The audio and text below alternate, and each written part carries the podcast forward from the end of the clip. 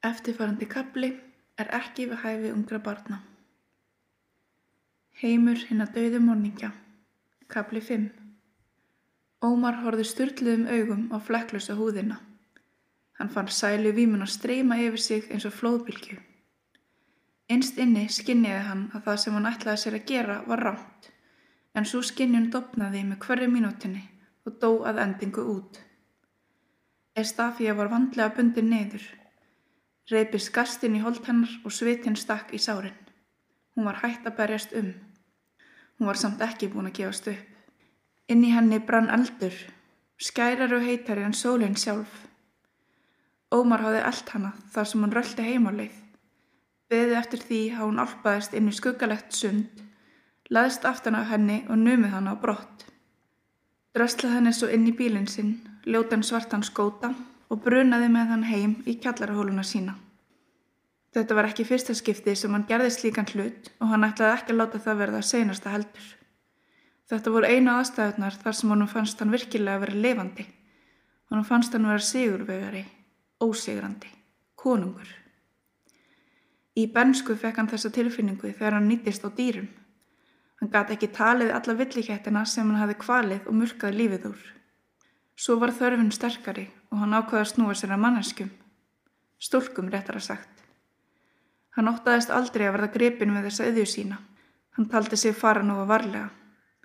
Hann hafi stundað það í nokkur ár að ná sér í vandiskonur, fara með þær heim til sín og myrða þar. Það var alltaf fullt af þeim í kringum svæði því hótel mína. Lauruglan hafði nóg annað að gera en að rannsaka hornar hórur. Það var aðal ástæðan fyrir því að hann hafi komist upp með þetta í allan þannan tíma. Hins vegar voru konurnar á þessu svæði orðnar kvektar og það var alltaf erfiðar að ná sér í nýtt hórnalamp á þeim slóðum. Það var ástæði þess að hann reðst á Estafíu. Fyrir honum var hann auðveld bráð, svona einu á gangi í dimmi húsasundi. Hún hafði allt eins geta gengið um með raukt skotmark á enninu. Estafíu röndi öskra, ekkert erðist nema niðurbælt uml. Nýfurinn láði fætur hennar. Það glampaði á velbrynt blaðið þegar ljósi skall á því. Ómar hafði rifið af henni fötinn og mert úr svæði sem hann ætlaði að skera með svörtum tóspenna. Það var ekkert eftir nema hefjast handa. Kaffi. Allt í einu fekk hann yfirgnæfandi þörf fyrir koffinýsli. Hann gekkað kaffivillinni og heldi upp á. Hann hórði á varnarlösa manneskuna sem lág nú inni hjá honum. Valdatilfinningin var svo sterk. Hann elskaði að hafa þessi völd yfir annari mannesku, að ráða því hvort hún myndi lifa eða deyja. Hann vissi að þetta augnablík myndi hann endur upplifa aftur og aftur, lifa á výmunni og ánæginu sem fylgdi um ókomna framtíð. Þegar hann hafi drukkið tvo kaffebotla var hann tilbúin. Hann var tilbúin að byrja. Fyrir honum voru aftakan líkt og hár nákvæm aðböfn. Allt þurfti að gerast í ákveðinni röð. Engum átti flýta, engum átti senka. Estafía var viti sinni fjær af hræðslu. Hún reyndi að berjast um, reyndi að losna, en hún var byrjuð að átta sig á því að það var vonlust. Hún var bundin um munnin og náði ekki að segja neitt. Hún hugsaði til sýstur sínar. Mikið óskaði hún þess að hún myndi finna hana, berga henni og þær getur farið aftur heim. Bara þær tvær. Saman alla tíð. Hún hugsaði til fóreldra sinna. Væri hún að fara til þeirra núna? Ómar tók upp nýfin og byrjaði að skera. Rauðt blóði byrjaði að leka. Allsælu tilfinning breytti úr sér um allan líkama Ómars á meðan lífið fjaraði út úr líkama í stafíu. Ómar satt við hliðin á lífilegsum líkamannum og reykti síkrettu. Hann aði passað sig að leggja glæran dúk undir svo allt er það ekki útatað í blóði.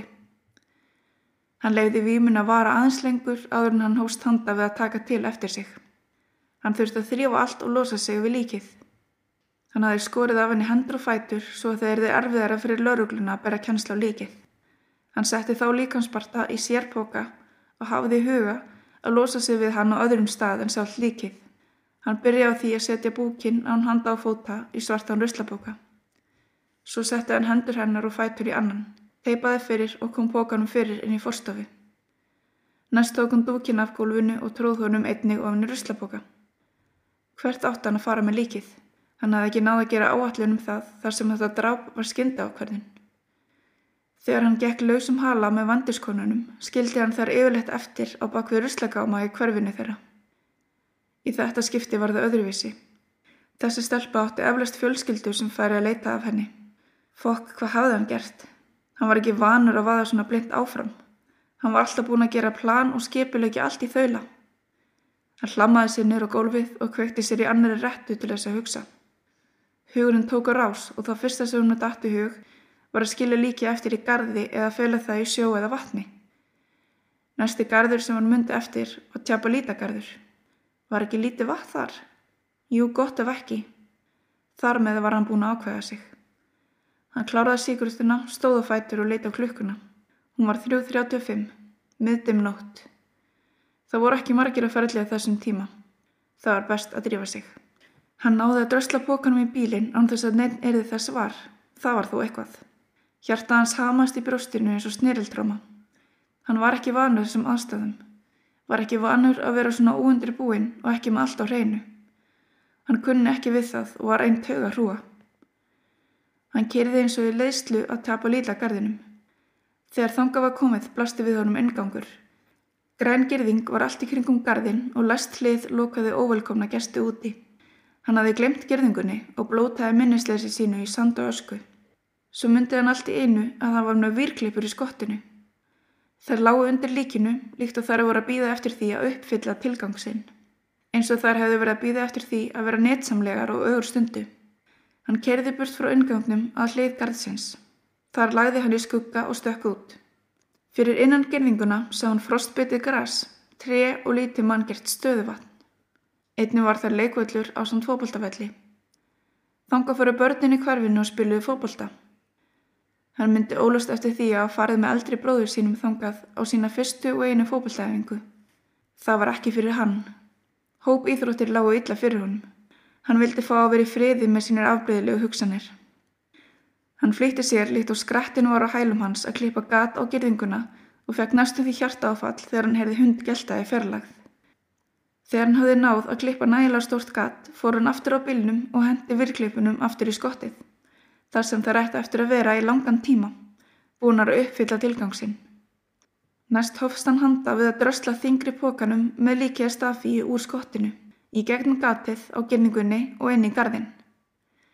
Eftir mikið pótapuð tókst honum þetta loksins. Honum fannst þetta vera sem heil eilíð, en í raunveruleikunum voru þetta einungis nokkrar mínatur. Hvaða nú? Hann leitaðist um. Ætti hann að skilja hann eftir undir trea? Nei, þá fyndist hún strax. Hann ákvaði eftir stuttu umhugsun að henda henni í vatnið. Hann hrindi pókanum á bakkanum og ofan í vatnið. Það erist hátt skvamp og hann var döðhrættur um að einhver myndi heyra í honum og koma að aðtöga málið. Það sást enþá í svarta ruslabökan. Ó nei, hugsaði hann, vatni er á grund. Hann hafði ekkert hugsað út í það að aðtöga hversu djúpt vatnið var. Hann óð út í vatnið, það var ískalt en þó ekki frósið. Hann hóst handa við að grípa af steina á botninum, reif svo gatapókan með miklu ofsa og tróðins mörgum steinum og hann gat ofan í hann. Svo samlaði hann með pókan lengra út í vatnið. Þar var aðeins dýbra til bots og hann slefti bókanum. Í þetta skipti sökkan og ekkert sást í hann. Hann vissi samt að þetta voru ekki kjör aðstæður og það erði ekki langt í það að einhver kemur auga á hann. Samt var þetta döga í þetta sinn. Hann tók af sér hátilegt lofurð um að næstmyndi hann undirbúa að plana allt mun betur. Hann óð tilbaka og fann skindilega fyrir yfirgengilegri þreitu. Adrenalínið var að minka og hann fann að hann var nánast örmagna. Það rauk það fljótt aftur upp úr öllu valdi þegar hann heyrði hund aftur gelta og þetta skipti var það mun næra náður. Hann stökk upp á bakkan og tók á öllu sem hann átti þegar hann tók hlaupandi og rás á gerðingunni. Það tók hann smá stund að finna gatið aftur en loksins tókst honum það. Hann smög sér í gegn og hendist í loftkostum að bíldröslunir sinni. Þá erðist geltið aftur og hann sá sér til skjelvingar hvítan og brúnan hund nálgast á óknar hraða og mannesku sem hljópa eftir honum. Hann hálf hoppaði inn í bílinn, startaði á hann um að reikspólaði burtu. Hundurinn sem hann hafi séð hétt Bóbó. Egandi hans var einn 30 ára gamli Miguel. Af einhverju ástæðu leti Miguel á bílnúmarið og lagði það á minni þegar hann sá bílinn burunaði burtu. Þegar hann sá gatað á gerðingunni vissi hann að það hefði verið það réttaði stöðinni. Hann náði Bóbólagsins og þeir röldu aftur tilbaka heim og leið.